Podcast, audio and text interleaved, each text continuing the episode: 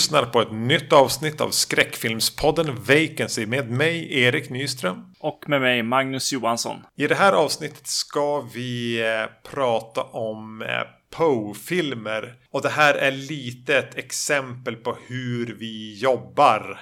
Mm. Eh, för den dedikerade lyssnaren minns ju då att vi i tidigare i år gick igenom Roger Cormans Poe-filmatiseringar och konstaterade att det fattades två filmer. Mm. Vi bad er lyssnare om förslag på eh, vad eh, vi då skulle komplettera det avsnittet med när vi fångade upp det under hösten. De två filmer, Premature Burial och The Mask of the Red Death, som saknades. Då ville vi ha mm. den här tredje filmen. Och vi fick då ett förslag på eh, vilka filmer då? Two Evil Eyes och The Pit and the Pendulum. Ja, och nu står vi här mm. och, och, gör ett avsnitt med de två filmerna. Och inte någon av de två som vi hade lovat att komplettera med. Precis. Precis. Ska vi skylla på, på postgång eller på, på ditt eh, lite saktfärdiga beställarfinger eller? Eh, precis, det är väl, eh, är väl till stor del mitt, eh, mitt fel här. Eh, jag har följt eh, Mask of the Red Death som ska släppas på ett släpp, men eh, gjorde aldrig en pre-order så att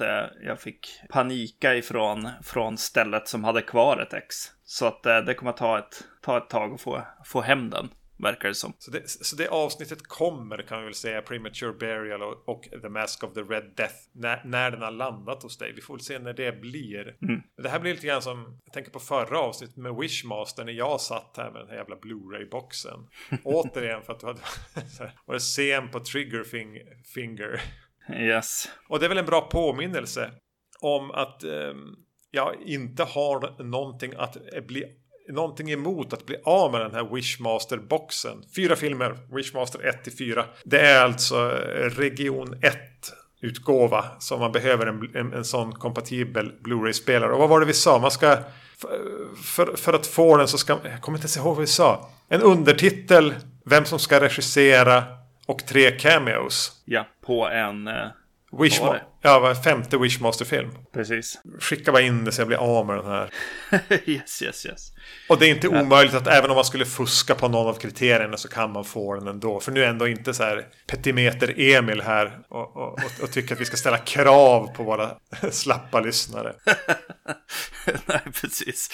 Ja. Nåja, tillbaka till det här avsnittet som då blir en liten pickup eh, av rester. Jag vet mm, att, att, att, att, lyssnaren som hörde av sig sa att det skulle vara i, i det närmaste tjänstefel av oss att utlämna Two Evil Eyes. Precis. Och jag tänker att du kan skriva under på det. Ja, precis. Det kan man ju absolut. Den, den, den behöver avhandlas här i podden och ja, det gör vi nu. Exakt. Och den kommer 1990 då. Ja, och som jag förstår det var det här eh, Dario Ar Det här var så här när, när den italienska 70-tal och tidigt 80 hade börjat dö ut. Och då gjorde de mycket tv som jag förstått det. Fulci hade de här filmerna, typ House of Clocks och grejer. Och, mm. och, och jag vet inte vad Dario Argento, han var säkert inne och sladdade där också. Ja, precis. Han hade det här uh, door, door to Darkness eller något sånt där. Gate to Darkness eller något sånt där. Och som jag förstår det så fick Dario idén att de skulle göra en tv-serie typ.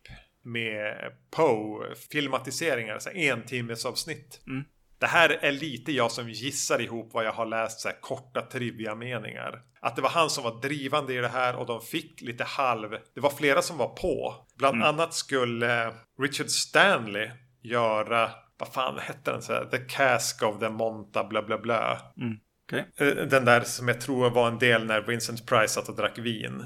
Ja, just det. Ja, det, det finns ju en, en, Det var ju en merge av uh, The Black Cat och The Cask of the Monta bla bla bla. Ja, Stanley skulle göra den. Uh, Michele Suavi skulle göra The Mask of the Red Death som en del. Och Dario var även på John Carpenter och Wes Craven skulle haka på det här. Ja. Och då George A. Romero. Mm. Och tydligen så någonting hände, vad det nu var, om, om det bara de fick inte, de, att de, de drog ihop pengar till att göra två delar och så var det ingen som var intresserad eller att det bombade eller att alla drog sig ur eller vad som då hände. Mm. Men det, det, det, som blev kvar var då alltså att eh, Romero hade gjort en, en cirka en timmes eller, avsnitt baserat på den här The Facts of the Case of Valdemar vad, vad det nu heter.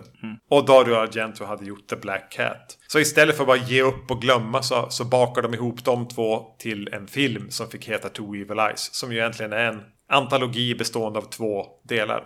Det jag minns att jag har sett någon intervju med Romero när han pratar om när den här stackars Dario med jättedålig engelska ringde upp Romero för att ragga han till det här projektet. Ja. Och det enda jag minns är att Romero återberättade det som att Dario ringde och sa Hello, I am Dario. som en parodi på, alltså som Super Mario i princip. Eller Wario eller någonting. Just det. Någonstans landade det alltså i det här. Den här lilla, den här, det här lilla ihopkoket. Som jag vet är en sån här tidig italiensk skräck. Eller Romero-skräck hybrid. Som du satte mig framför att se.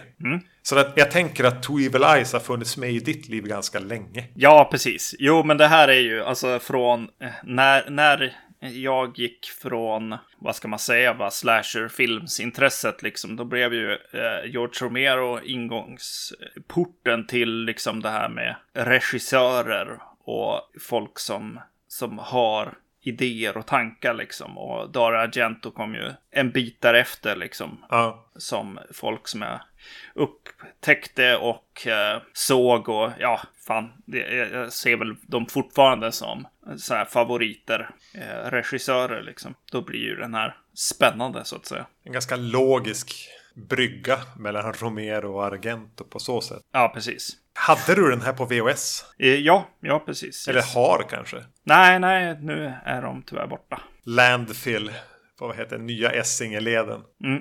Eh, så ja, den här är en ganska uppenbart att de bara har tryckt ihop två avsnitt av någonting. Ja. Och första delen är Romeros version av The Facts of... Alltså vad heter... Alltså, här är återigen Ja. hur vi jobbar. Alltså, Case of Valdemar. Nej, men jag kommer inte ihåg heller. The Facts of the Case of Valdemar någonting. Eh, Den var en del i, även i, i Cormans Poe-universum. Då Price spelade eh, Eh, mannen som ligger i en säng och blir hypnotiserad och dör. Det jag tyckte var lite häftigt är hur det presenteras, de här två filmerna. Så istället för att ha en text så har de en voiceover om typ Edgar Allan Poe eller någonting. Det var någonting med den här voiceovern som leder oss in i att vi ska som in i Poe-universumet här. Precis, man, man anar ju där att de är och filmar lite grann vid, vid Edgar Allan Poes grav kanske. Kanske. Något, någon typ av minnesställe liksom. Och så vad det, dedikerar de eh, filmen i en voiceover till Edgar Allan Poe. Ja. Som ju är liksom storslaget på något sätt. Ja, det, det, det, är ganska göra. härlig, härlig grej i början. ja, Och, och sen kastas vi då in i den här Valdemar-episoden. Som ju då kretsar om den, den döende mannen Valdemar. Som eh, har anhöriga, i det här fallet en fru, en lite troféhustru. Som är ute efter hans testamente.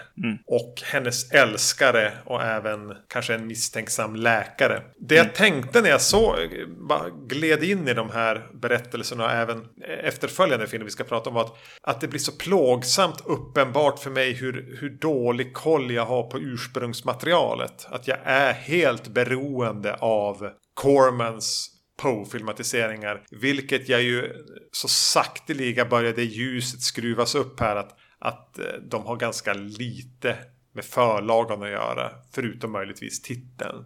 Men, men här känner man ju igen fragment med den här unga troféhustrun. Och, och hon har eventuellt en älskare och det finns lite personer som är ute efter saker. Girighet spelar en roll. Och, ja, precis. Den är ju väldigt så här, ja vad ska man säga, en gotisk berättelse på det sättet. Och eh, sen att eh, de, ja men hypnosen är ju definitivt en, Ja. en liksom nyckel då. Det som händer är väl egentligen att den här Valdemar råkar dö när han befinner sig under hypnos. Mm. Och det är tydligen eh, så att gör man det då dör man inte riktigt. Utan Nej.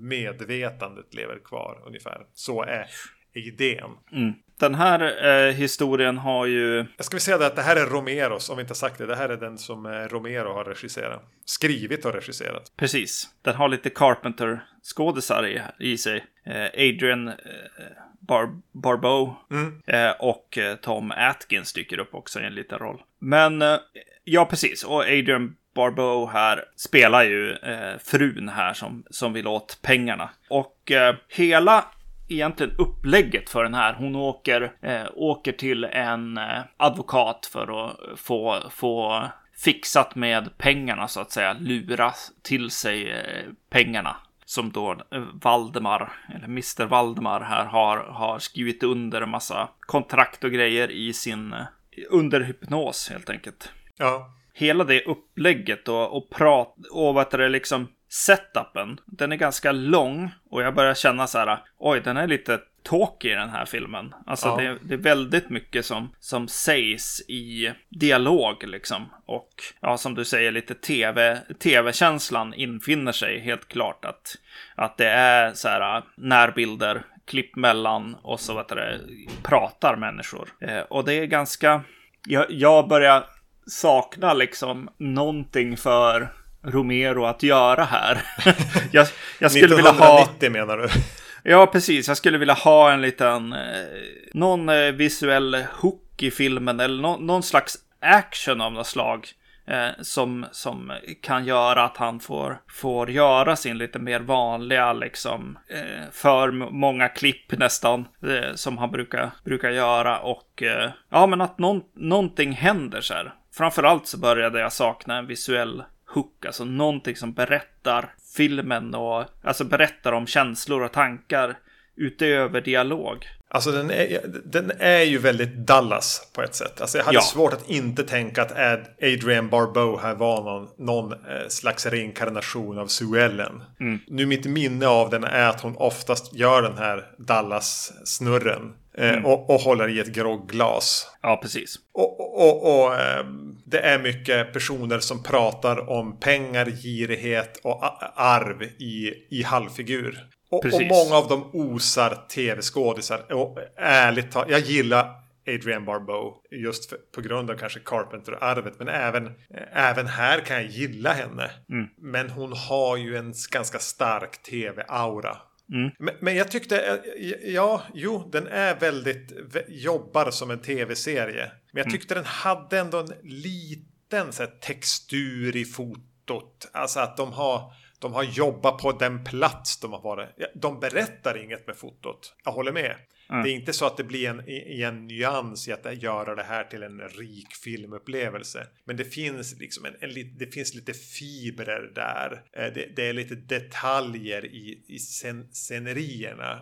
I, I det här ganska rik mansionhuset de är i. Ja, precis. Och att det får vara mörkt och murrigt också. Precis, jo, de försöker ju få, få till liksom den här Poe-känslan liksom. Eh, men ändå flytta det till en modern tid. Och eh, det funkar väl både, ja, både bra och dåligt känner jag. Men eh, att ibland blir det lite för vitt och, eh, och Dallas. Eh, men precis, och just när jag hade börjat forma de här tankarna om att jag saknade, vad jag saknade, då steppar den faktiskt upp när det börjar bli lite, lite spännande.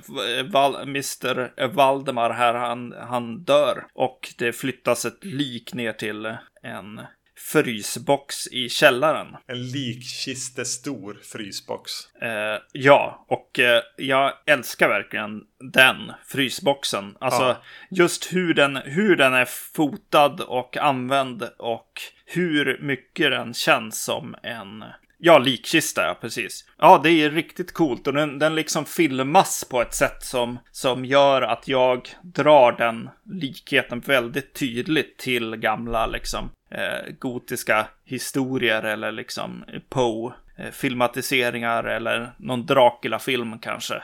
Och eh, det, det gillar jag jättemycket och det är jättekul med, med vissa andra scener som kommer mer än också att så här, ja, den öppnas och så är det ljus, lyser ljus och kommer ut liksom rök ur den. Ett grepp som är, är väldigt skräckfilm, men det blir ju också vardagligt, för det är ju så frysboxar kan funka.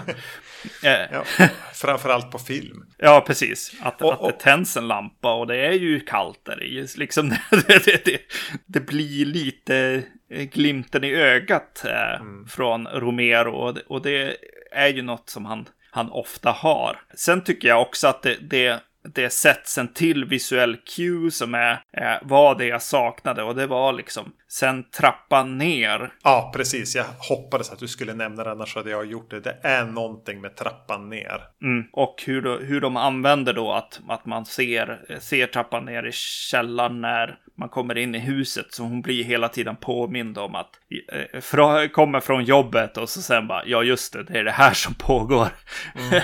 i mitt liv.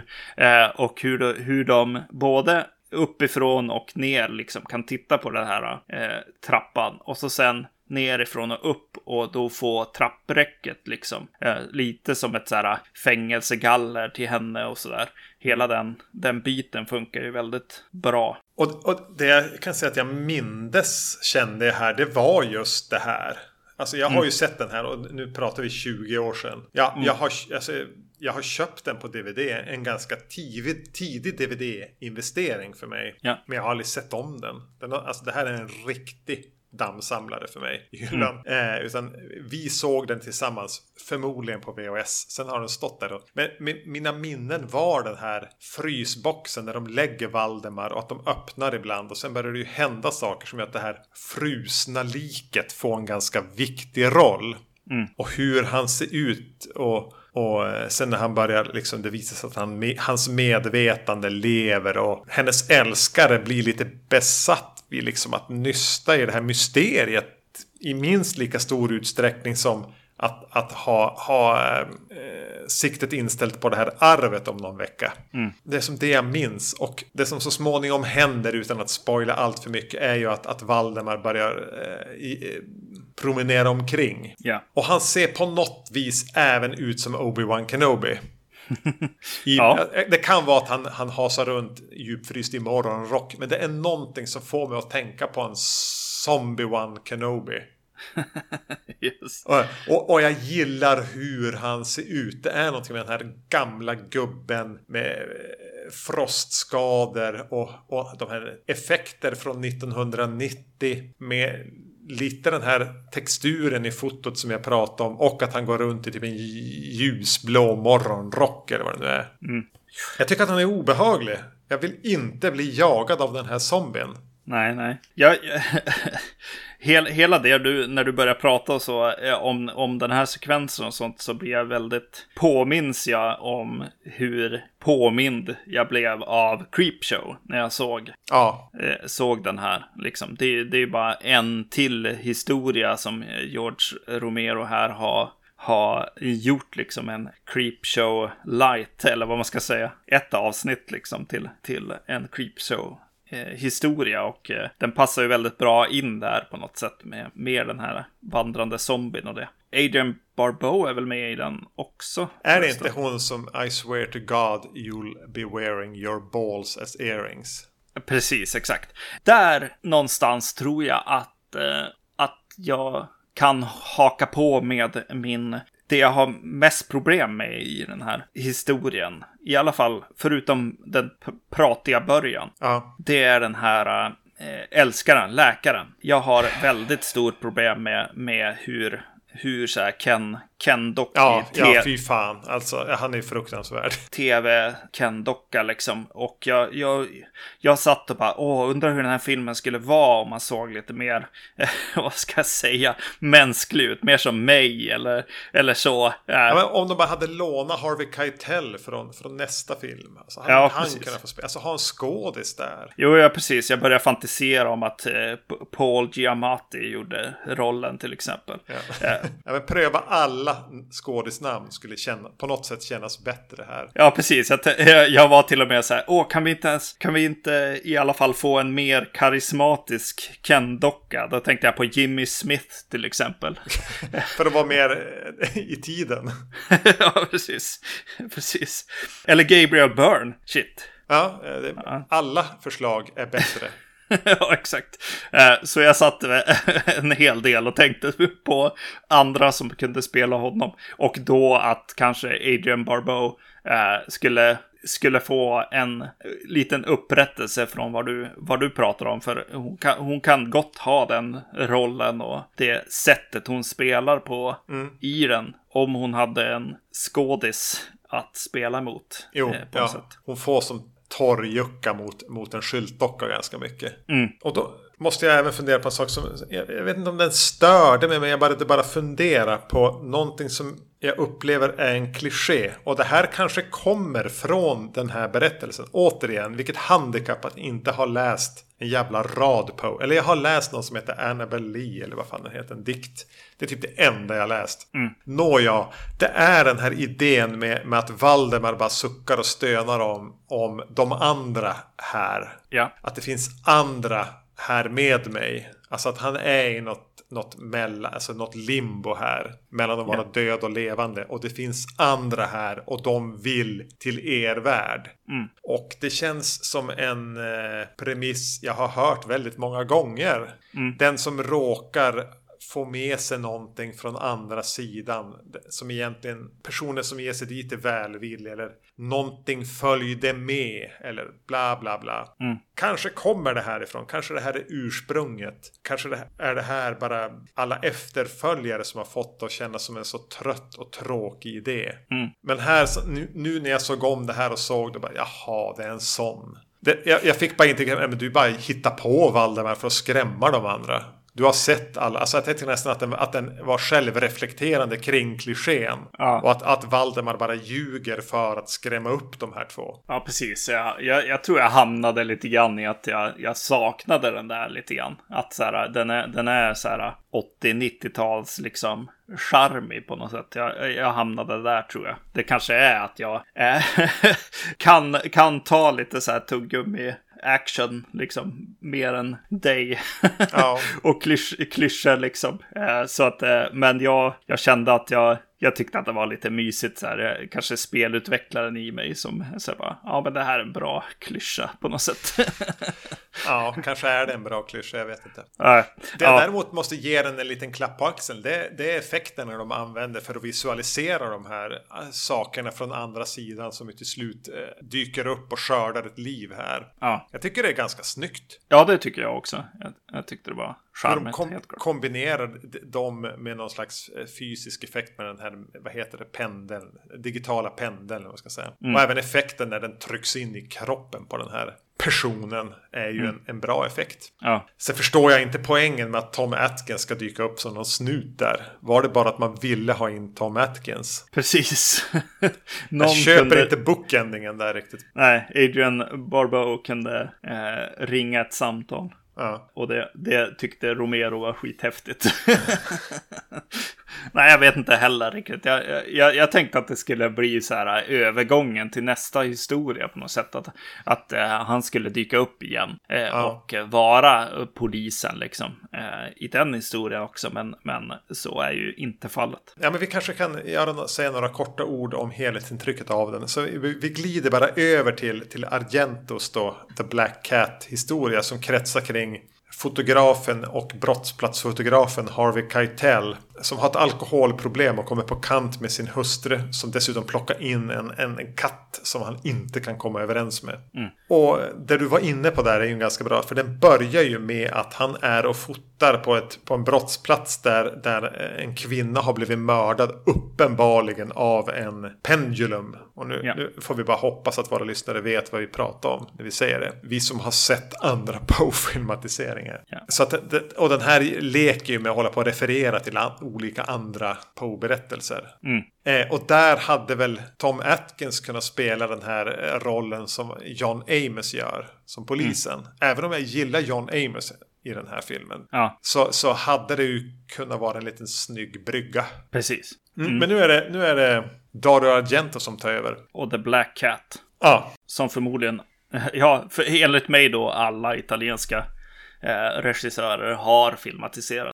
Det stämmer förmodligen inte. Det är Mm. Nej, tre det- kanske. Tre eller fyra. ja men det är väl alla. ja, precis, exakt. Det är ju en jävla kontrast eh, tycker jag. Eh, som man är med om här, alltså övergången från, från det här lite ljusa kaliforniska mansionen, liksom, eller vad man ska säga. Eh, så gotiskt det går i, i, i LA i princip. Eh, känslan mm. till att eh, hamna i en brun, dammig italiensk källare. 90-talskällare liksom. Ja. Det är, det är, en, det är en ganska nice. Känns det som att komma hem? Ja, verkligen, verkligen. Och så sen då... Ligger en ituhuggen kvinna på ett bord också. Precis, exakt, naken. Ja. Eh, da, och Dario Argento eh, direkt eh, sätter fast kameran i pendeln här. Och, eh, och showar off med, med visuella idéer, liksom. och säger det här är Dario Argento-film nu. Hello, I am Dario. exakt. Jo, eh, det, det, jag tänkte lite grann på skillnaden mellan dem är att, att Romero någonstans nästan vet att han är i, en, i ett tv tv och jobba. Ja. Och anpassas efter det. Dario försöker ganska mycket tänka att han, att, att, han vill göra det cinematiskt. Ja. I stor utsträckning. Och den här skillnaderna som jag sa att vi skulle spara till slutet. Men jag tar mm. dem nu ändå. En minut kunde jag hålla fast vid den yeah. ståndpunkten. Det, det, är att eh, Romero mer vet att han gör antingen ett, en, en del i en tv-serie eller en del kanske i en episodfilm och har som anpassat hela känslan utifrån det i större mm. utsträckning. Dario tänker att jag gör en film som ja. jag komprimerar och snabbspolar lite grann mm. till 55 minuter. Så ja, det, det, är väl egentligen den stora skillnaden. Mm. Att det här är väldigt... Det, äh, ja, han sätter kameran på den här pendeln. Mm. Men den får snurra en och en halv gång. Ja. Ganska kort eh, ra radie den får svänga över också. Hade det varit hans film så hade den ju svängt. hade han ju varit i något operahus eller någonting. Också, ja, ja precis, ja. exakt. Yes. Så att han hade fått åka mycket mer. Men här är det, ja, men vi, kan inte, vi, kan inte, vi kan inte dingla runt i den här pendeln allt för länge. Den, den, får även vara katten, kameran, några gånger. Mm. Ja, men inte allt för länge. För det här ska fortfarande rymmas på 55 minuter. Så den, den, den för mig har den här en liten jäkt, jäktig känsla. Mm. Eh, men när vi kommer upp ur den här dammiga italienska 90, äh, sent 80, tidigt 90-talskällaren så är vi ju i, då i ett i, så här Abel Ferrara-territorier nästan. Ja, det, kan, det. det är ju mycket att det är Harvey Keitel och att det känns väldigt New Yorkigt och halvslitet. Mm. Och att, och att Harvey Keitel bara dricker hela tiden. Ja, alltså Harvey Keitel, ja, jag reagerar ju jättemycket. Jag vet inte om det är Harvey Keitels vanliga uniform, men just att han går omkring i, i väst och fluga och basker eh, och fotograferar här. Jag, jag, jag, jag fattar det inte riktigt. är, det, är det så här, det här är en fotograf? Eller en konstnär på något sätt. Eller är det bara Harvey Keitel? Ja, precis. Och så har de gett honom en kamera. Jo, men det kanske är liksom jeans och väst och... Jo, men det kan ju bara vara Harvey Keitel faktiskt. Men, men, men jag spenderar lite för mycket tid på att tänka på hur han ser ut. Och så dyker ju hans flickvän upp där då. Eh, väldigt så här. Här är ju någonting med Dario Argento liksom. Det är ju svårt. Han har ju lite svårt med skådisar. Mm. Och skådespelare och så. Eh, och Harvey Keitel eh, krock här. Eh, Harvey Keitel känns väldigt mycket ur balans. Eh, och lite osäker tycker jag, i den här filmen. Eh, och jag tänker att det, det kanske är Dara Argento som eh, antingen står och skriker utanför bild i, eh, hela tiden och säger vänd hitåt, rör dig nu. Och eh, jag börjar tänka att det är en te väldigt teknisk och visuell regissör som möter en eh, instinktiv skådespelare liksom. Som... En method actor och, och även här en method actor som jag tänker mig var lite på dekis här. Ja. Jag har ingen koll på Harvey Keitels karriär men jag tror inte den blomstrade 90. Ja, precis. Nej, så det blir en, blir en känsla hela tiden av att han är osäker. Och då, då tycker jag att hans flickvän som kommer in är istället då väldigt spännande liksom. Eh, den här lite andliga liksom, mm. karaktären som, som kommer in. Och eh, det... hon är mer OK med att en italiensk farbror står och skriker åt henne hur hon ska röra sig i bild. Ja, hon är lite mer redo för det. Så att, ja. så att hon, hon får på något sätt eh, göra mig lite, lite mer trygg i historien till en början, ska jag säga. Det, det är lite hur jag kommer in i, i filmen. Eh, tänker på hur, Harvey Keitel är klädd, eh, hur osäker han känns och, eh, och så. Och så sen kommer hon in där och, och jag, jag, får haka på och tänka så här, ja men jag håller fast vid henne lite grann där för att grunda eller liksom stilla mig själv när jag ser den.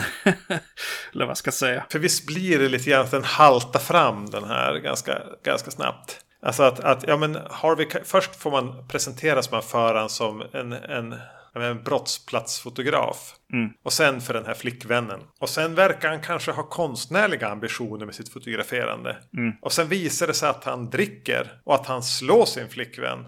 Mm. Och att han är en, ett riktigt jävla praktarsel. Ja. Bad Lieutenant. Eh, som han skulle göra något år senare. Man, man, har ju inte så långt att associera dit. Att det var, Nej. Ja. Eh, men men, men jag, jag, känner inte hur det, hur det blir en naturlig utveckling. Utan att det känns mer som att det bara kastas in. Alltså att han helt plötsligt skulle vara en subut. Kommer ju lite, lite för sent in. Och då är han en ordentlig subut. Mm. Och det kommer inte riktigt i klaffa med att katten dyker upp. Jo, på ett sätt gör det ju Ja. det. Men, men det är inte katten som influerar det heller. Nej, det här hade likväl kunnat hända utan katten ska man väl säga. Eh, exakt. utan, utan Dario Argento vill väl påpeka, tror jag, någonting om, om att gå omkring på de här mords, mordplatserna och fotografera hemska saker. Att det skulle Ja. påverka en liksom. Det här är återigen han som håller på med sin egen psykoanalys. Då. Alltså, som han själv har, vid det här laget har gjort i typ 20 år. ja. Gått runt och, och filmat en massa obehagliga saker. Och vad gör det med en? Vilken, blir man inte lite knäpp då? Ja, precis. Jo, av sig själv då. Ja. Och så sen, sen, sen gör han ju hela grejen också. Bara, ja men jag ska göra en film om en svart katt liksom. Åh, vad betyder en svart katt? Så han gör ju lite re research bubbling där via, via flickvännen också. Mm. Som, som börjar vara en sån här uh, liten egenhet som, som Dario Argento alltid har. Som, som på ett sätt är, för mig blir uh, charmigt. Men det är ju otroligt dumt oftast. Det är väl det som leder upp till den här medeltida drömmen som Harvey Keitel har. Ja, Eh, som för mig också blir som en upp, liten en uppvisning. Dels att försöka få den att kännas mer cinematisk. Men, men, men känns verkligen även dumt. Ja, precis. När de är på det här livet på något sätt. Ja. Eh, eh, Fantasy live-psykosen som man har där. Ja, det är lite dumt. Men ja, precis. Jag vet inte. När du har pre- presenterat det som den här tv-filmen, då kan jag tycka att det är lite charmigt. Ja, Men jag, ja. jag tror att jag blir... Eh, jag, jag har ju svårt att distansera mig här. Eh, då jag är ganska stort Dario Argento-fan helt enkelt. Och hur han försöker hela tiden göra symbolik av saker och ting. Som den här symbolen på katten som dyker upp. Som blir det. hängsnara och grejer. det är för dumt alltså. Ja. Ehm, för, för, för som jag sa, att den här vill ha... Det här känns lite som en snabbspolad Dario Argento-film. Ja, på vissa ja. sätt. Att, att den har bråttom genom lite de här visuella exerciserna. Där den ska visa upp olika tricks. Men samtidigt tycker jag den är full av utfyllnad. Mm. Alltså att han ska hålla på och stuva undan ett lik och, och ska åka på s- fake-semester. Och eh, att den lägger så mycket tid på sånt. När Martin Balsam, eh, grannen, dyker upp. Ja. Ja, mm. Och han måste göra massa grejer för att undanröja bevis eller... Ljuga snabbt och sånt. Precis, exakt. Eh, jag har en liten fråga för, för övrigt. Eh, har du någonting på Harvey Keitel och droger och alkohol och så? Jag utgår från att han är en skådis som har haft alkohol och drogproblem. Eh, jag, jag skulle göra det också. Och det här, det här är helt ogrundat. ja. Eh, antingen är han ju superbra eh, när han väl kommer igång här i, i filmen. Eller så är det, är det lite svårt för han eh, i den här perioden. Jag vet inte riktigt vad. Eh, så det, det är känslan jag får liksom. Ja, men jag tänker att det finns en anledning till att Harvey Keitel, han var med i Taxi Driver och det här är andra halvan av 70-talet. Sen var han en skådis som Quentin Tarantino släpade in i, i, i det starka rampljuset igen 94. Och därefter fick han en del roller igen. Alltså uppmärksammade mm. roller. Om jag måste gissa så tänker jag att han var en som eh, antingen då droger, alkohol eller valde teaterscenen eller så var han extremt svår att ha att göra med. Jag vet inte. Jag, blev lite sugen nu på att försöka att läsa mm. en, en Harvey Keitel-biografi. Ja. För jag tänker, om inte annat tänker jag att han har historier att berätta. Ja, verkligen. det är känslan man får, helt klart. Ja. Eh, av, av hela hans eh, film, eh, liksom, verk. Eh, så att säga. Jag, tror att han har dykt upp, eh, nu tar jag det bara ur minne här, men att vi har pratat om det här andra gången. Harvey Keitel är med i en film på podden. Och mm. första gången så var ju då Bad Lieutenant. Mm. Eh, Abel Ferrara som bara kom något år efter den här. Och bara att ha jobbat med Dario Argento och Abel Ferrara tänker jag bara där. Där har du en bok. Ja, precis. Yes. Eh, alltså, nu, nu börjar man kunna en massa om Dario Argento och eh, den här tv-filmskänslan som, som man får här. Eh, jag har sett den här andra tv-serien som han gjorde med eh, Luigi Cozzi. Door Into Darkness. Jag kommer inte ihåg exakt vad den heter. Alltså. Men eh, man får, får lite vibbar av den. Och då finns det en scen där jag helt plötsligt börjar tänka så här. Är det där Lu Luigi Cozzis filmsamling som man har i bokhyllan, eh, tro? ja, det är en massa utkastade böcker, ja. Och man får en känsla av att de är utvalda, varje bok. Ja, och jag fick en, en stark tanke sen vi såg den där eh, lite utlämnande eh, Luigi Cozzi eh, filmen. Blood on Melies Moon eller ja. Ja, precis. Att eh, så här, bara, det där är uppenbarligen hans filmsamling och boksamling. Och då, då kollar jag på IMDB och eh, helt plötsligt så dyker han ju upp. Han är ju second unit director här så att ja. jag kanske till och med har rätt här. Det, och med second unit director på en sån här film så betyder det ungefär att man har lånat ut sina böcker. Exakt, det är förmodligen det. Kan vara så att, att den är inspelad i hans lägenhet också, det vet man ju inte. Nå någonting sånt, jag tror inte han har regisserat någonting. Nej. Ja men, Two Evil Eyes Eh... Jag vill bara ta en, en liten snabb grej till. Jag vet att, att vi tänkte att det här skulle bara vara, handla om två filmer i det här avsnittet. Men ja. det blir långt ändå när det är en antologifilm. Men mot slutet så, så kommer det in eh, poliser. Mm. Då åker kameran iväg efter ett ljud i trappen. Ja. Och de börjar röra sig upp för trappen. Och eh, jag har i hela mitt liv egentligen aldrig tänkt på Dario Argento som det epitet som man har ibland i, Italiens Hitchcock.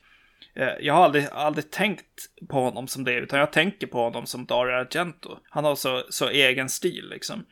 Men det här var faktiskt första gången som jag bara, vänta, det här kunde Hitchcock ha gjort vid något tillfälle i, i karriären på något sätt. Det är väldigt Hitchcockian den rörelsen eh, och hur den, hur den aktiverar rörelse i karaktärer och så mm. också. Mm. Det, jag vet vilken scen du menar och det, ja. Mm. Ja, det, det, det bara slog mig helt plötsligt att så här, jaha just det, ja folk brukar ju tycka att han är som Hitchcock ibland. Eh, det var Two Evil Eyes, ja. Det, det, det jag bara vill säga är väl att, mm. att jag hade väl ganska kul så här lagom kul med hela filmen. Men jag tycker ju bättre om, om Romeros inslag just eftersom den vet lite mer att den ska arbeta inom en, en, en tv-serie avsnittsformat. Och att jag tycker att så här Obi-Wan Kenobis zombien är, är otäck. Ja, precis. Uh... Jag tycker att, att, att, att eh, Darius bidrag här haltar och fumlar, trevar runt rätt mycket. Även om den, även den har poängen. Mm, precis. Och eh, Romero kör ju liksom sin creepshow-grej och, och blir, i alla fall när, när filmen börjar, bli mer skräckfilm eller mer eh, comic booky så kör han ju på, på Creepshow liksom ja. receptet med, med det här eh, mer serietidningens känslan liksom skräck eh, i en serietidning som han gjorde i de, i de filmerna och eh, det tycker jag eh, passar sig utmärkt. Och eh, Dara Argentos, alltså den, den, jo men jag kan hålla med om dig men eh, jag tycker också samtidigt att när han flörtar med sig själv så tycker jag att det är lite my mysigt sådär. Eh, eller roligt och så. Jag vet inte om han själv tycker att han, eh, att han försöker göra någon slags eh, eh variant på sina egna verk här. Eh, men jag ser ju det och, och då, då småmysiga liksom. Men som historia och som liksom verk i sig så ja, eh, då håller jag med dig helt klart. Mm. Det är liksom eh, när man följer pendeln då och när kameran åker iväg i den där trappen och eh, lite sådana grejer och när, när katten lite väl aggressivt och konstigt eh, håller på där med väggen och sånt där. Så tycker jag att, ja men när det blir lite cinematiskt helt enkelt så glimtar den till. Eh, sen är jag mest så här, tidigt i filmen så tänker jag på Harvey Keitel som så här, åh, kan, han kan ju bättre och Dara Argento verkar fumla lite med Harvey Keitel. Ja, och mot slutet så, så tänker jag mer att, oj, hur mår han egentligen, Harvey Keitel? du vill inte byta ut han mot Paul Giamatti här? Nej, det vill jag nog inte. Men eh, ja, precis. Jag tänker inte på karaktären, utan jag tänker på Harvey Keitel. Eh, och det är ju ett problem. jo, man ser ju bara han. Ja. Du, eh, vi går vidare från den här. Jag ska bara hämta min, min sömnmedicin. Ja.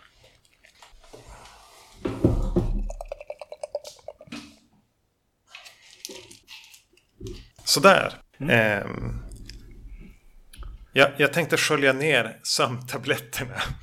Eh, med en, en, ny, en ny IPA här, eller DIPA, alltså en dubbel-IPA för Oppigårds Utah. Den var jättegod. Jag har smuttat på den här under början, men Mm. Mm. Då kör vi på med The Pit and the Pendulum från 1991 och då kommer vi till Stuart Gordon som ju brukar göra Lovecraft-filmatiseringar. Ja, Stuart Gordon, vi, alltså, vi har inte varit där. Nej. Jag, ska, jag, jag ska väl ärligt säga att Stuart, alltså jag har sett ett par av hans filmer, ja. inte så många. Nej. Eh, men eh, det jag har sett har jag väl tyckt varit rätt schysst sådär. Men det är ingen som har blivit ett namn för mig. Han, han, han, skulle ju kunna ha blivit det. Han hade ju kunnat, nästan skulle kunna ha varit en John Carpenter. Teoretiskt. Ja. Eh, men det var aldrig menat att det skulle bli jag och Stuart tydligen. Nej, alltså jag tror att eh, mycket, alltså mycket av den här eh, genren, alltså eh, jag pratade om det förr tror jag på podden, men just när jag började så här mm. sortera i hyllan liksom så börjar jag ju liksom italienskt och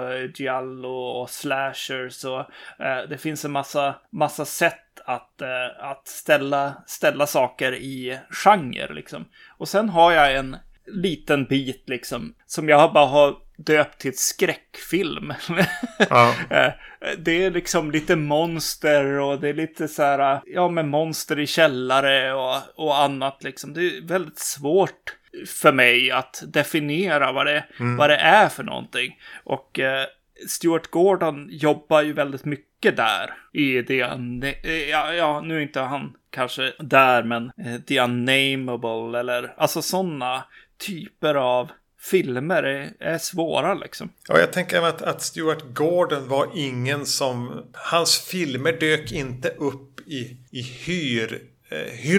Eh, på eh, hemmakväll eller på videoteket eller vad det nu hette där man hyrde, där vi hyrde våra eh, skräckfilmer när vi var yngre. Alltså att man fick ingen relation. ja. ja, Precis. Jag fick ingen relation till honom redan där. Nej, precis. Eh, och, och, han är väl en sån som funkar OK, men kanske inte hundra att, att komma in i som, som 40 plus. Jag vet inte. Men, mm. men, men där, därmed eh, inte sagt att vi inte kommer att ägna oss mer åt Stuart Gordon framöver här på podden. Det tänker jag definitivt att vi kommer att göra. Ja, absolut. Eh, men det här var ju då alltså ännu en Pit and the Pendulum filmatisering. Och även här så blev det så tydligt att jag har ju ingen aning om vad Poe skriver. Jag har ju bara en aning om vad filmatiseringarna visar. Mm. För den här utspelas i Spanien på typ så här sent 1400-tal, inkvisitionen och, och, personer som blir anklagade för häxerier. Mm. Och torterade och eh, kyrkans makt och hur, enskilda personer kan, kan få en osund makt där i. Mm. Det är typ det den handlar om. Eh, precis. Så det här är ju en väldigt dedikerad period piece. Det var jag inte, inte riktigt beredd på ska jag säga. Nej, eh, tydligen. Jag hade inte, ja. jag, säga, jag hade inte sett den här tidigare. Jag hade en aning om att jag kanske hade gjort det, men jag kände inte igen någonting. Ja, just det. Jag kände också att jag hade sett den här. Jag, eh, jo, men den här har jag sett förut, men det var ju väldigt, väldigt länge sedan och jag, jag minns eh, också nästan ingenting från den. Tydligen så, så var den liksom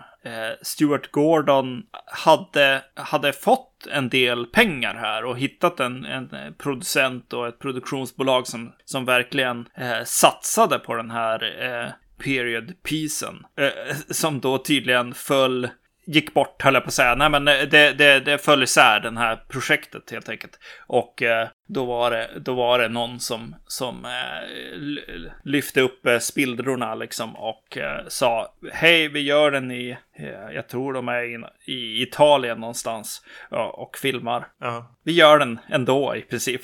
Mm.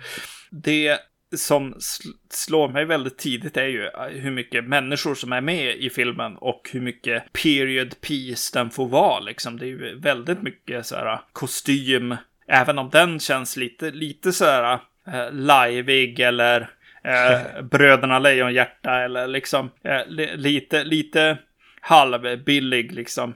Helt klart, men, men just att, att satsa så här gjorde mig lite imponerad här i början. Ja, den går ju all in på att vara en period piece och inte försöka vara så modern. Alltså det lyser igenom lite grann att den vill, att den vill blinka lite. Den är ju dedikerad och det är som du säger, det, det, det är en del massscener. Okej, det är inte så, handlar inte om tusental. Det kanske handlar om ett 50-tal statister. Mm. På en trång borggård. Men ändå, det, det ger ett litet scope till den här. Som jag, som jag, inte, jag definitivt inte var beredd på. Alltså jag tycker att han har gjort ett bra jobb med att få den att kännas ganska stor. Mm. Jag menar, Roger Corman gjorde ju de här också liksom med Vincent Price och så. Men det är, det är, ganska få karaktärer såklart. Men, men det är klart att man kanske kan, kan få ihop en, en period piece eh, på låg budget. Det kan, det kan ja. man då ändå kanske. Jag kanske ger den lite väl mycket cred för vad den lyckas med här. Men eh, jag blir lite imponerad i början här. Den känns lite, alltså om jag ska tänka tonen här så är den var allvarligare än vad jag tänkte. Men ändå ganska snabbt så har en sån här mörk, mörk camp känsla.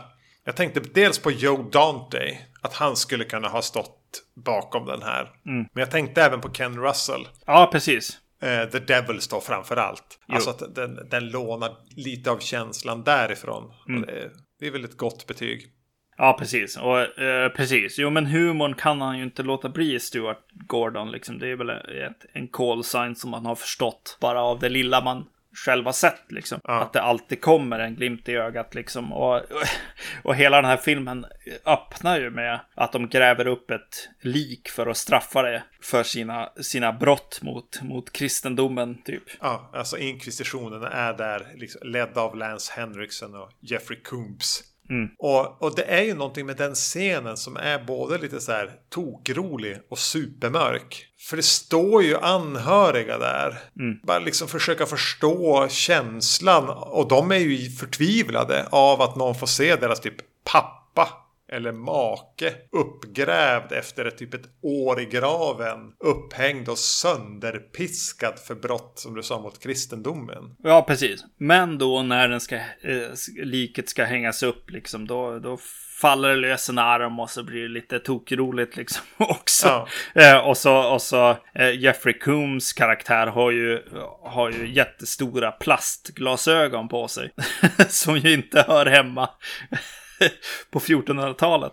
Nej. Eh, så, så det blir ju liksom en, en ganska bizarr blandning här av, av glimt i ögat sekvenser. Men jag skulle säga att de, de dyker upp och står ut lite grann mot en ganska mörk historia. Ja, jo verkligen. Alltså de här glimten i ögat grejerna när de kommer för jag vet inte om man tänker att han försöker lätta upp eller vad det nu är. Men eh, jag tycker inte de kommer speciellt organiskt. Men eh, De, de sticker ju ut. För det här är ju en, en, en ganska mörk och bister sak till film. Mm. För eh, huvud, huvudhandlingen kretsar ju kring ett, ett par. Mm. De är väl gifta, de är typ bagare. Som på något sätt hamnar i inkvisitionen. Hon blir anklagad för att vara häxa och han bestämmer sig för att försöka rädda henne. Mm. Och de hamnar i, i den här katolska kyrkans inkvisitions eh, katakomber med, med tortyr och en Lance Henriksen som en svettig, dedikerad, självspäkande överstepräst på något vis. Mm. Det blir, blir ju Witchfinder General-tankar som, som föds här. Eh, Lance Henriksson går ju in eh, helhjärtat. Ja, han är i, verkligen investerad här. Ja, precis. Så, så även om man har en lite tokrolig hårtofs i pannan och, och en konstig eh, liksom frisyr så på något sätt så säljer han ju det eh, och blir en väldigt hotfull karaktär i sammanhanget. Det kanske är, är mycket att så här, de man har kring sig är, är lite mer åt det tokroliga hållet. Men att han går omkring där och skapar, lägger ett mörker över hela filmen är ju spännande på något sätt här. Ja, det är någonting här. Eh, Lance Henriksen, jag vet inte. Han har inte betytt så mycket för, för mig. Nej. Jag har väl alltid tyckt att han har levererat. Men, men här fick jag verkligen en respekt för hur dedikerad han har varit till att ge sitt yttersta i den här filmen. Ja, verkligen. Yes. Eh, för det är ju hans fullständiga investering i allt som, som på något sätt gö- gör att det här mörkret åtminstone känns till viss del trovärdigt. Mm. Eh, och och sen, sen håller inte tonen ihop hela vägen och, och, och, det, och det klingar lite falskt mot övriga skådisar. Men eh, egentligen han, är det ju mycket, må, i mångt och mycket att titta på hur han skådespelar sig till 200% genom den. Mm. Man kan säkert tycka att han spelar över, men jag tycker bara att han är investerad. Ja. att det är, ja, all respekt. Ja, verkligen. Jo. Och sen är väl liksom tortyr liksom som, som tema och det som händer de här personerna. En liten del i det liksom. Men den, den går ju liksom båda, åt båda håll liksom. Det, det dyker upp en, en häxa som, som är häxa då. I, i filmen och eh, hela hennes liksom uppenbarelse blir ju också del av, av det lite halvroliga eller vad man ska säga i, i Exakt. filmen. Frances Bay, alltså hon som är eh, Harolds granne i Twin Peaks. Hon med creamed corn. Mm. Ja, Och hon, hon frun då, bagarfrun. Fan, jag tyckte nog väldigt, jag tyckte om när hon dök upp i en annan värld. Konst, fantasyvärlden. ja, konstigt Lalliga. nog så tyckte jag att det funkade. Framförallt första, ja, det är väl egentligen en, en gång liksom. Eh, och ja, jag tyckte att det funkade faktiskt. Ja, eh, eh, det jag ska säga om de här, alltså paret. Ja, Jag skrev ner skådespelarnamnen, jag vet inte varför.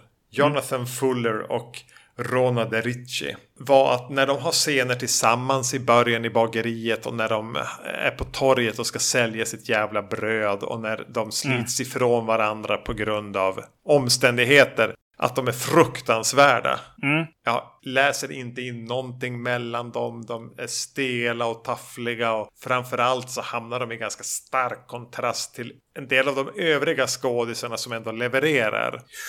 Att det bara, fan vilken kämpig ingång.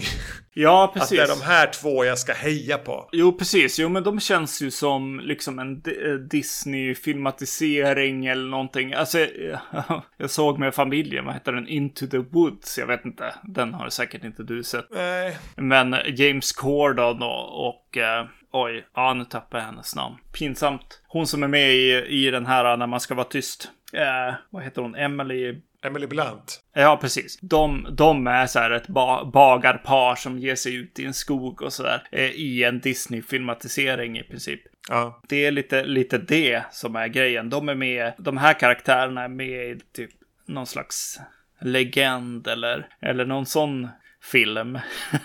Där det är okej okay att alltså, vara träbockar eftersom de ändå snart ska börja sjunga. Ja, exakt. Ja. Eh, men här finns det ingen sång. Nej, de, första halvtimmen så var de fruktansvärda för mig. Ja. Men det blir någon slags, framförallt kanske för henne, att, att, att hon vinner någon slags arbetsseger här. Kanske framförallt efter att, att, att de klipper av henne tungan. Mm.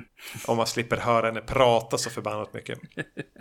Men, men, men nej. Det, det, mm. Jag blev lite förvånad i slutändan att, att, att jag ändå var på deras sida i den, i den utsträckning jag var. Mm. Det är ju kul liksom i, i Two Evil Eyes och i den här och vi, när vi pratade om Vincent Price-filmerna och Edgar Allan Poe så, så finns det ju teman som kommer tillbaks hela tiden och jag vet inte vilken historia det kommer ifrån för jag tänker att The Pit and the Pendulum är en grej eller så är det så att i varenda jävla historia han har gjort så är det någon som blir för tidigt begravd. Ja, det måste ju ha varit någonting han gick runt oroade sig som fan över att råka bli.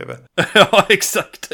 Jo, det måste ha varit riktigt jävla jobbigt för honom. Fast jag tror inte riktigt det, för det, för det händer ju andra saker som, som flörtar med Edgar Allan Poe. Mm. Oliver Reed öde i filmen till mm. exempel.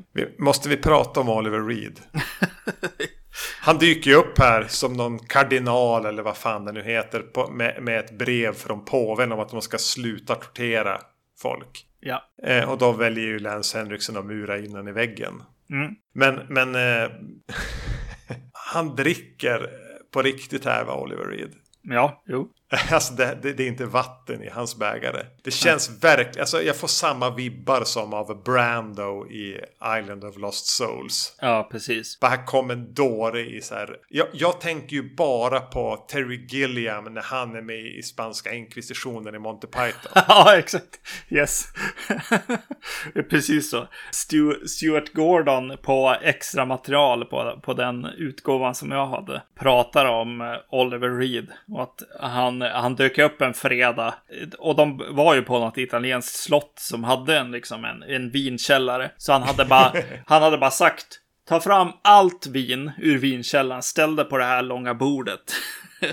För nu, nu är det fest. Och så hade Oliver Reed druckit i, i hela helgen liksom. Eh, och Lance Henriksen hade tydligen eh, smuttat lite också. För att få vara med Oliver Reed, I guess. Ja, eh, det hade nog jag också gjort. Ja, ja, absolut. Men han sa just att så här, så han tänkte ju att det här är ju världens katastrof, hade Stuart Gordon tänkt. Bara, ja, men vi ska ju filma på må måndag, hur går det liksom? Och då, då enligt han själv så, så kändes det som att Oliver Reed bara dök upp på morgonen, full fokus, att så här, helgen är min, veckan är din, liksom måndagen är din. Nu kan jag inte riktigt hålla med om att Oliver Reed är... Full fokus kan jag inte acceptera. nej, nej uppenbart stupfull. Japp. Eh, men, men, men, jag tänker att en stupfull Oliver Reed är ju fortfarande bättre än de flesta. Ja, ja. Alltså det, det händer ju någonting när han dyker upp. Sen kan jag känna här, alltså jag har inte sett så mycket från han på den här sidan 90-talet. Men att man märker av att, att någonting har hänt med glöden i ögonen där. Alltså han, han har hällt vin i tio år i, i den glöden. Mm. Och det börjar märkas att han ändå levde i tio år till. Alltså att göra typ Gladiator och fanskap här. Ja. Det, ja. Mm. Men det är kul när han dyker upp. Ja. Även om det är lite sorgligt också. jo. Eh, och Lance Henriksson även i den scenen bara kör fullt ut liksom. Eh. Ja, det är inte så att han är nervös nej. inför att han, att han ska spela mot Oliver Reed. Nej, nej. Nej, nej men det är ju hans, hans dedikation som håller det här. För den här filmen stagnerar ju sitt eget drama. Alltså den är ju inte jätteintressant i att hon är oskyldigt anklagad för att vara häxa. Eller är hon ens oskyldigt? Mm. Och det är inte jätteintressant att de ska återfå varandra. Känner jag i större delen av filmen. Mm. Men som sagt var, klipp av henne tungan och, och, och uh, utsätt mannen här för the pendulum och lite råttor och grejer. Och vet fan om jag inte i slutet ändå blev lite glad. Mm. Åt hur det landade. Jag skrev, det är rätt ostigt, men det är in inte helt dumt. Nej. ja, vad, vad heter han? Eh, Ja, jag har kastat om eh, Two Evil Eyes, så jag tänker fortsätta att kasta om här. Eh, bagaren, alltså om det hade varit Brendan Fraser ja. så hade det ju varit fixat allting. Nej. Men... Förmodligen är det som att svära i, i, i kyrkan här eller i Stuart Gordon-kyrkan. Men jag hade ju inte haft några som helst problem om man hade bytt ut Jeffrey Coombs mot typ Brad Dourif istället. Ja, ja precis. Jo. För jag har svårt för Coombs och jag tror att när jag såg Reanimator så var jag inte såld där heller. Nej, precis. Jo, men ofta så, alltså du har helt rätt ofta när man ser honom så saknar man Brad Dourif. Ja, precis. Ja. Men alltså, det här är ju... Det är fan illa när man börjar prata om poor man's Brad Dourif. Exakt. Eh, den här, alltså den här absolut kan ju stå i, i den här delen av hyllan som heter skräckfilm. Mm. Och den delen av hyllan är för mig väldigt ofta liksom så här treor Alltså de, de, de lämnar ju inte jättemycket intryck liksom eh, känslomässiga. Utan det, det blir ju, de, de är ju lite som 80-tals eh, actionrullar. Ja. På ett sätt. Alltså det, det, det är roligt. Det kommer ett monster då och då och sådär. Och, eh, och den här hamnar väl där, där Stuart Gordon ofta eh, ligger. Har du Castle Freak? Ja, precis. Ja, men den ja. står ju där. Ja. ja, den ska ju stå bredvid den här. Även om det inte hade varit Stuart Gordon. Mm, mm. Ja. Mm. Eh, nej men det, alltså, som sagt var, den här, jag kom in blind i den. Och första kvarten var jag ju lite så här, starstruck bara över att vi var i den här miljön. Mm. Sen, sen fastnar den som jag sa i sitt eget eh, drama i de här mörka, murriga eh, katakomberna. Och jag är inte jätteroad. Men det, det är tillräckligt spännande. Eller intressant åtminstone. Mm. Och det jag ska säga om att ha sett både Two Evil Eyes och den här Pit and the Pendulum-versionen var ju att jag har blivit fast och fullt övertygad om att jag måste läsa Poe. Ja. Så jag kikar på någon så här, jag har ju en, en, en, en Lovecraft The Complete Unabridged som, som kommer att vara mitt livsprojekt att läsa. Ja. Det var dags att öppna det igen. Nu börjar det vara ett tag sedan. Men, men jag tänker att en, en, en lika jävla fet och hopplös och omöjlig Poe-samling borde väl också ligga där på mitt nattduksbord som en ständig påminnelse om att jag inte tar tag i de saker i livet som jag borde ta tag i. I princip. Ja. Jag kommer förmodligen köpa den och läsa lite pö om pö. Så jag får återkomma om det om så 25 år. Då har jag väl hunnit till, till uh, Pit and the Pendulum. Mm. Men eh, Magnus, om jag säger Philip Ridley, vad säger du då? Ja, jag säger ju vad, vad är det för något? ja, det, det är vårt nästa avsnitt, en trio filmer av den brittiske konstnären, multisysslaren, regissören Philip Ridley. Alltså The Reflecting Skin, uh, The Passion of Darkly Noon och Heartless. Mm. Jag har sett två av tre, men det börjar vara länge sedan. Du har sett noll av tre här tänker jag. Precis. Så det blir vårat nästa avsnitt. Och någon gång, om inte Kanske inom en snar framtid, kanske om en längre framtid så kommer vi att komplettera Poe, Corman, universumet. Vi får se när det blir. Mm. Men, men om ni har då synpunkter på vad, vad handlade Pitta the Pendulum om egentligen? Vad heter den här Valdemar, Case of Valdemar egentligen? vad va är premissen i någon av de två filmerna som varken jag eller Magnus har någon aning om eftersom vi bara ser filmer och inte läser förlagen? Kontakta oss då på antingen på Facebook, skicka ett meddelande, kommentera det här avsnittet, mejla oss på podcast at vacancy.se och om man då finns på, på Instagram kan man söka upp mig på Erknym och du heter eh, Zombie-Magnus. Yes. Annars finns vi där podcast, där poddar finns. Yes. Eh, ge oss gärna högt betyg eller skriv en liten... Uh, vad är det där för konstiga omkastning av konsonanter? Skriv en liten recension. Men som sagt var, Philip Ridley nästa avsnitt. Det blir spännande. Har du några sista ord? Nej, det ska bli, bli kul att se vad det är för någonting. Ja. Yes. Ha det bra. Ha det bra. Tack för att ni lyssnade. Hej. Hej.